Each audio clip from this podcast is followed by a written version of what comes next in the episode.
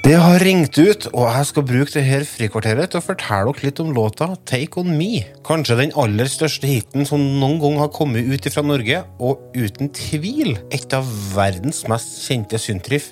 Her snakker vi i samme ligaen som eh, Jump eh, av Van Halen og Final Countdown av Europe.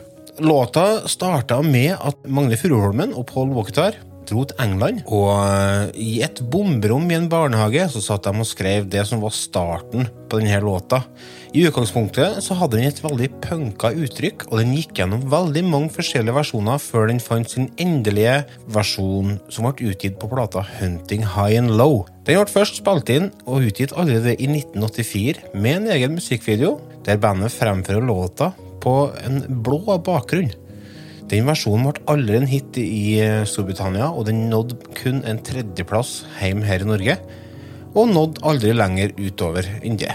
Men så, i 1985, så kom det en kar med navnet Alan Tarney. En låtskriver som bl.a. hadde skrevet låta We Don't Talk Anymore. Med hans hjelp landa guttene på den versjonen som vi alle kjenner i dag, og som gjorde bandet til verdensstjerner.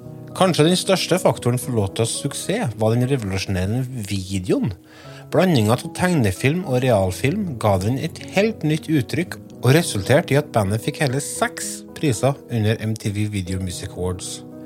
Den ble også nominert til Favorite Pop- og Rock-video under den prestisjetunge American Music Awards i 1986. Videoen til dere tre som ikke har sett den, er en romantisk historie som inneholder et motorsykkeløp, ei dame som blir dratt inn i en tegneserie, og én stykk svett Morten Harket, som selvfølgelig spiller helten.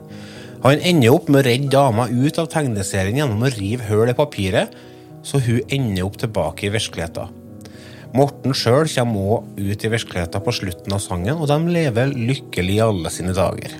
Liten fun fact. Dama i videoen spilles av Morten Harkets daværende kjæreste. Fun fact nummer to. Låta ble spilt inn på en kafé som heter for Kims kafé, og nå heter kafeen for Savoy kafé. Hvis dere vil besøke den, enten i virkeligheten eller på Google Maps, så er adressen 390 Wandsworth Road, Vauxhall, London. God engelsk der, altså. Låta den klatra helt til topps på Billboard Hot 100 i USA. Den gikk òg til topps i 35 andre land, deriblant Tyskland, England, Sverige og selvfølgelig hjemme her i Norge. Singelen solgte hele sju millioner kopier på verdensbasis, noe som gjør den til en av de mestselgende singlene gjennom alle tider. Den er også covra av veldig mange artister. Real Big Fish har en ska-versjon av låta som absolutt er verdt å sjekke ut. Bandet Weezer har òg gitt ut en versjon der de har med seg Finn Wolfhard fra Stranger Things i videoen.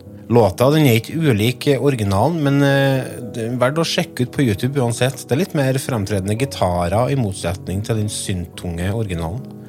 Og når dere først sitter på YouTube, ta så sjekk ut Jim Carrey sin versjon fra The Late Show med David Letterman. Han gjør den i god Carrey-stil, for å si det sånn. I tillegg til å ha blitt spilt av veldig mange andre artister, så har låta dukka opp på lerretet og TV-en i mange forskjellige settinger. Den er med bl.a. i en scene i Deadpool 2, en episode av Simpsons fra 2005, en episode av Family Guy og mange andre. Den har òg dukka opp i TV-spill som et såkalt easter egg. Spillet heter Just Cause 4, og settinga er sånn at du går inn i en stor bygning, og etter hvert som du driver og utforsker denne bygningen, så hører du låta i det fjerne. Og idet du går inn i en spesiell etasje, så havner du plutselig i en slags versjon av musikkvideoen, der det veksler mellom vanlig TV-spillgrafikk og den tegnestilen som gjorde musikkvideoen så kjent.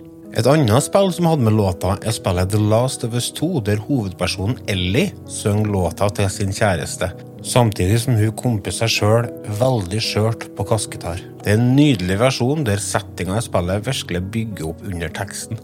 Anbefaler òg å sjekke ut på YouTube.